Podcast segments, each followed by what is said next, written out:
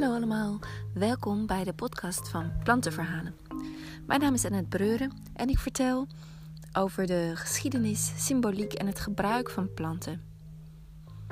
Traditionele volksverhalen waarin de planten een rol spelen en die ons veel zeggen over onze cultuur en soms ook wel wat over de planten. Misschien zijn sommigen van jullie wel eens bij een van mijn evenementen geweest. Ik heb plantenverhalen verteld afgelopen anderhalf jaar. Onder andere bij Natuurtalent in Rotterdam, Pluk in Den Haag via het project 100.000 bomen in een bos van draad in Den Haag, in Amsterdam bij Alchemist Garden en nog heel veel andere plekken. En nu dan voor het eerst de podcast. In deze eerste podcast zal ik het hebben over de wilg.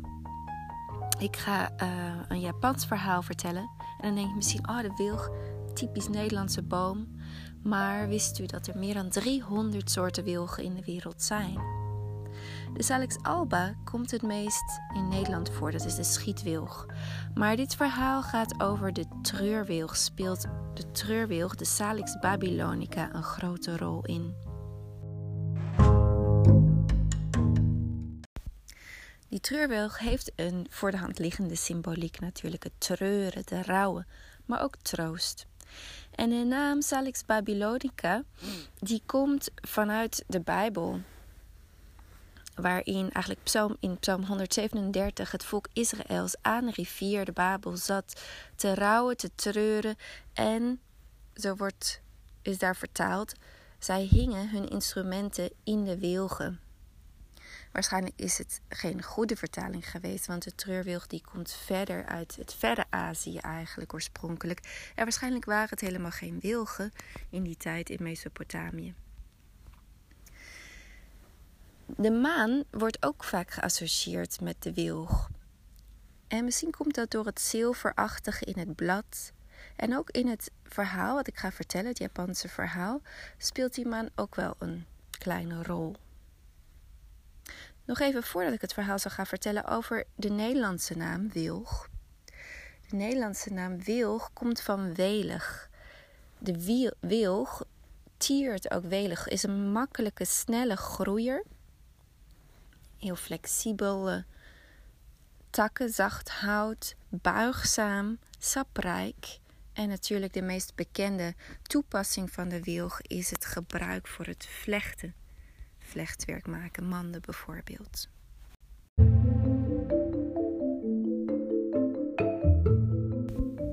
Hetero en Higo.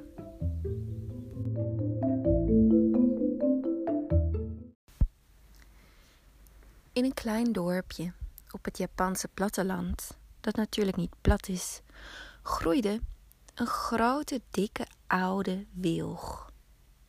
Een treurwilg die stond daar aan de rand van het dorp en die wilg had een belangrijke functie in het dorp, want zij bood beschutting, zowel in de zomer als in de winter.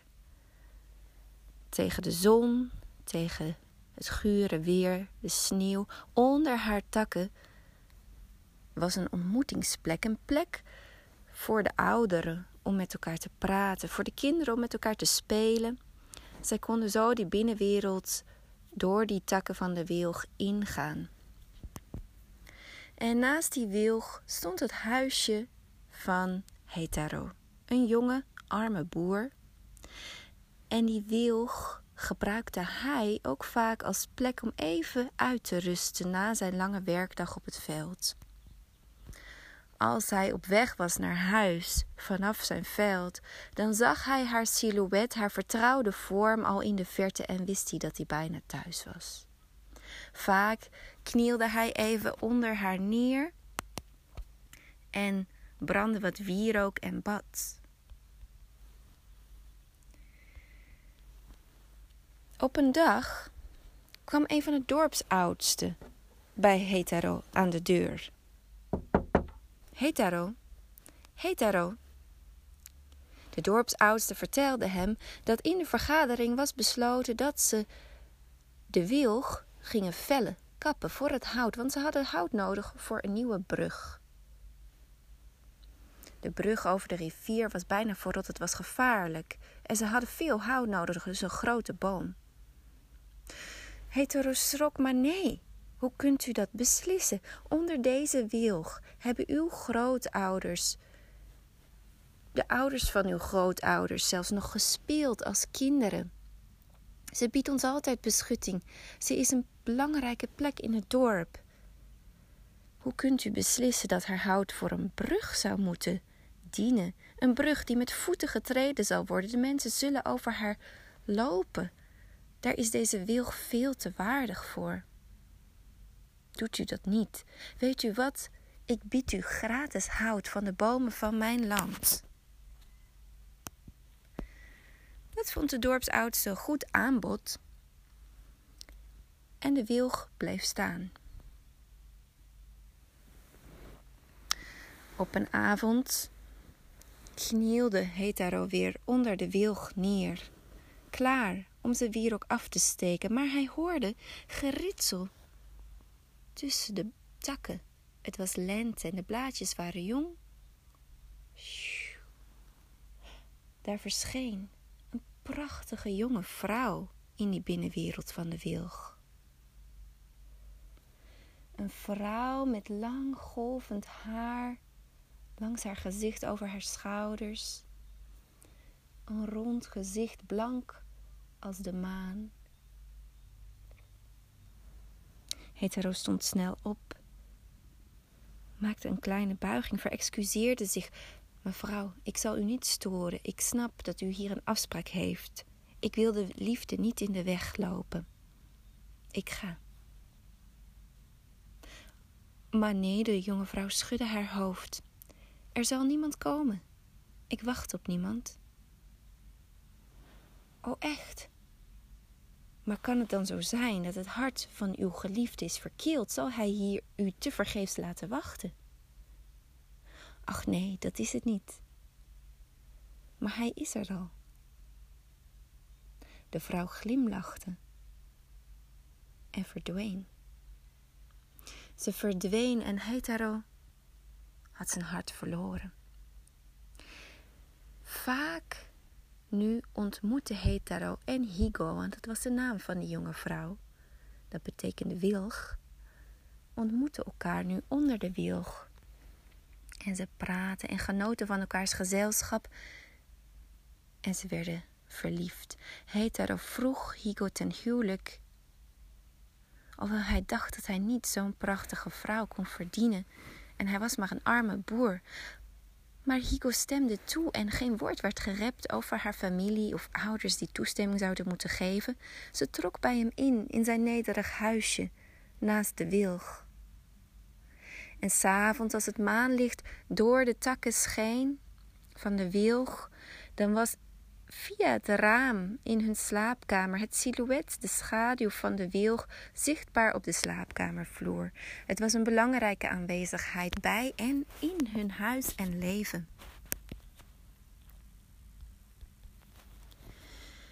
En al waren zij arm, het wordt gezegd dat zij het gelukkigste stel in heel Japan waren. Op een dag ontstond er commotie in het dorp.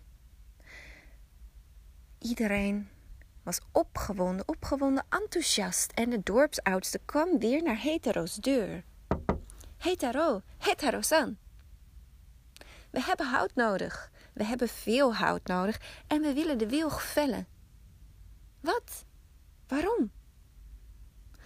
De keizer, de keizer in Kyoto, die gaat een tempel bouwen, een nieuwe grote tempel ter ere van de godin Kwanon, de godin van de genade daar mogen we aan bijdragen. We hebben de eer, de kans om er aan bij te dragen. Wij als klein dorpje kunnen iets leveren voor die tempel.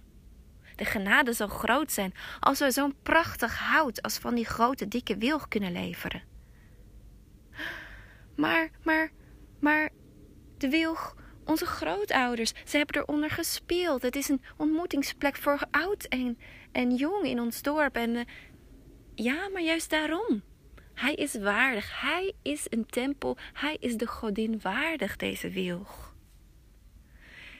Hetero's argumenten werkten voor geen meter dit keer.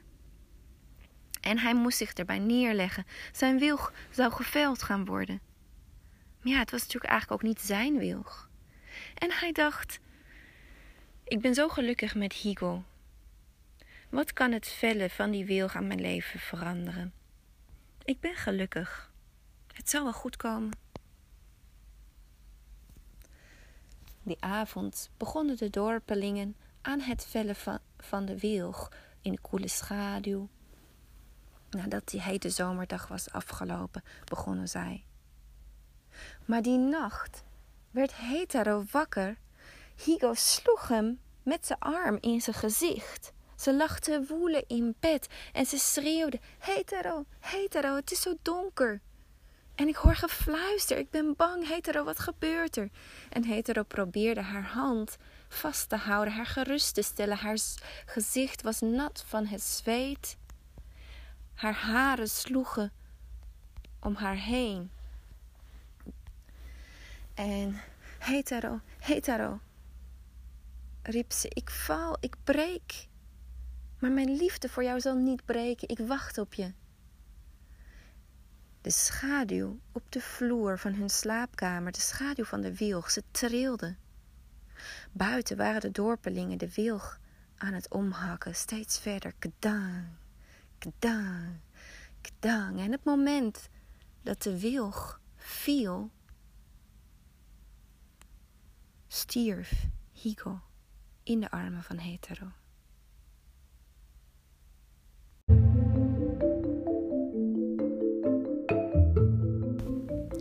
Ach, wie houdt er niet van wilgen? Hun troostrijke aanwezigheid, het gefluister door, door hun bladeren, hun zacht bewegende takken in de wind, de silhouetten in het Hollands landschap. Hun katjes in de lente en pluisjes in de herfst.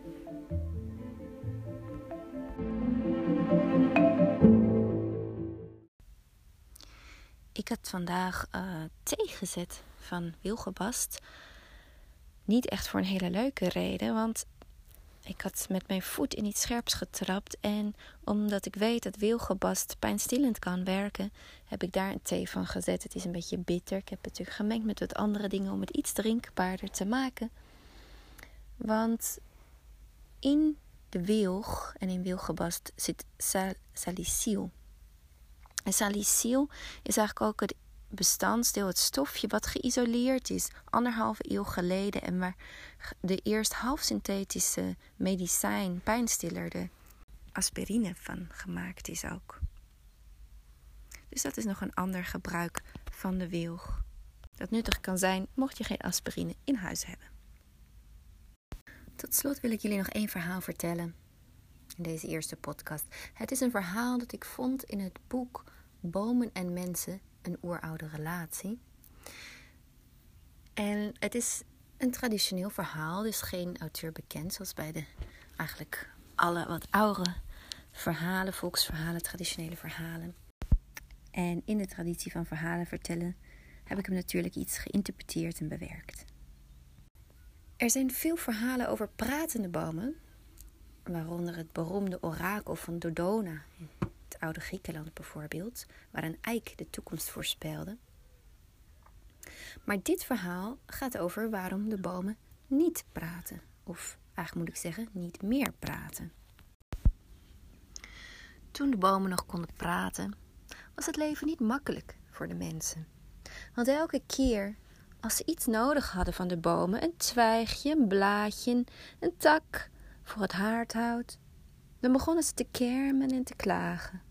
Maar stel je voor, zelfs als de mensen dan wat groters van ze nodig hadden, misschien de hele boom moesten omkappen voor een huis of een meubelstuk, dan hadden ze te maken met een hartverscheurend huilend wezen. Hoe kun je zo leven? Het was niet makkelijk.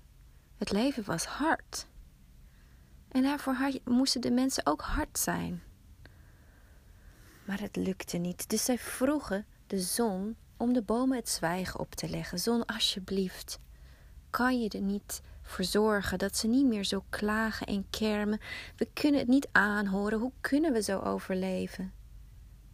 Het gaat wel, maar het is met zoveel pijn in ons hart. En het laat ons alleen maar zo erg zien dat we voor ons eigen belang telkens kiezen. Dat is veel te pijnlijk. Maar de zon, die genoot van het neurien, het zingen, de grapjes die de bomen maakten, die had helemaal geen last van ze. Tot op een dag de spar en de den naar de zon kwamen en hem vroegen: Zon, kun je ons geen blaadjes geven? We voelen ons zo anders dan de andere bomen. Het is niet prettig om anders te zijn, weet je. We willen graag ook zulke mooie blaadjes. Nou ja, eigenlijk willen we net iets mooiere blaadjes nog, want een beetje anders zijn kan natuurlijk geen kwaad, maar dan wel anders anders dan we nu anders zijn, hè? Geef ons mooie blaadjes, alsjeblieft. En de zon dacht, nou ja, waarom niet? Ze zingen altijd zo mooi voor me. Laat ik ze belonen. En hij gaf ze blaadjes van pure zijde. Pure zijde, het waren prachtige blaadjes en de den en de spar waren trots en lieten ze zien aan iedereen. Ze glommen in het zonlicht. Prachtig waren ze.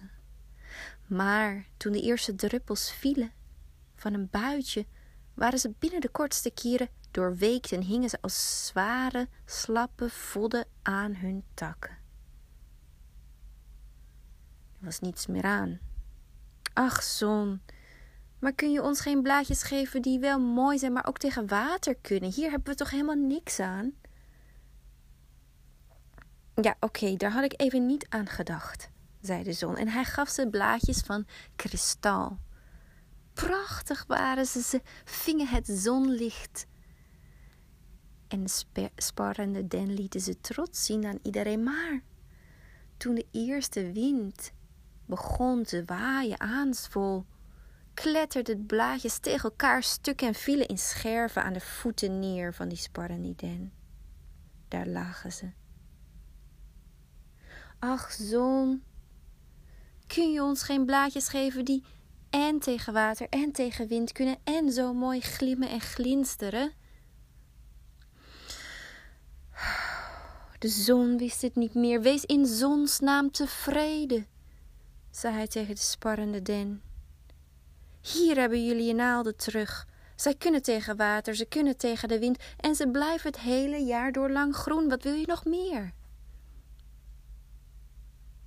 En voordat er nog meer bomen naar de zon konden komen met verzoeken en vragen en klagen, legde hij alle bomen het zwijgen op.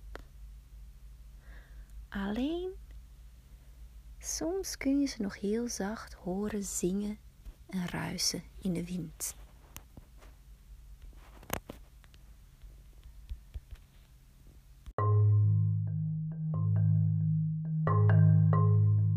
Dit was het voor deze aflevering. Hopelijk vonden jullie het leuk. In de volgende afleveringen spreek ik telkens met gastsprekers ook. En mocht je deze podcast willen steunen of je waardering laten blijken, dan kan dat door een donatie te doen via de Tiki-link in de beschrijving. Al is het 1 of 2 euro. Dat helpt. En ook het delen van deze podcast, een review achterlaten via op het kanaal waar je hem luistert. En mocht je meer informatie willen over wat ik doe met plantenverhalen, de normale evenementen en lezingen, kijk dan op plantenverhalen.nl. Tot de volgende keer.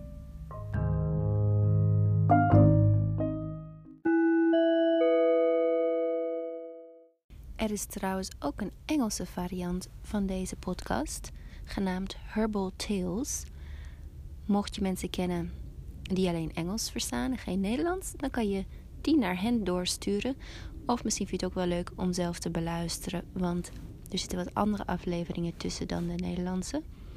De aflevering van de wilg is wel min of meer hetzelfde, behalve het laatste verhaal. Dus mocht je nog een verhaal willen, een polsverhaal willen horen over wilgenkatjes, luister dan de Herbal Tales The Willow.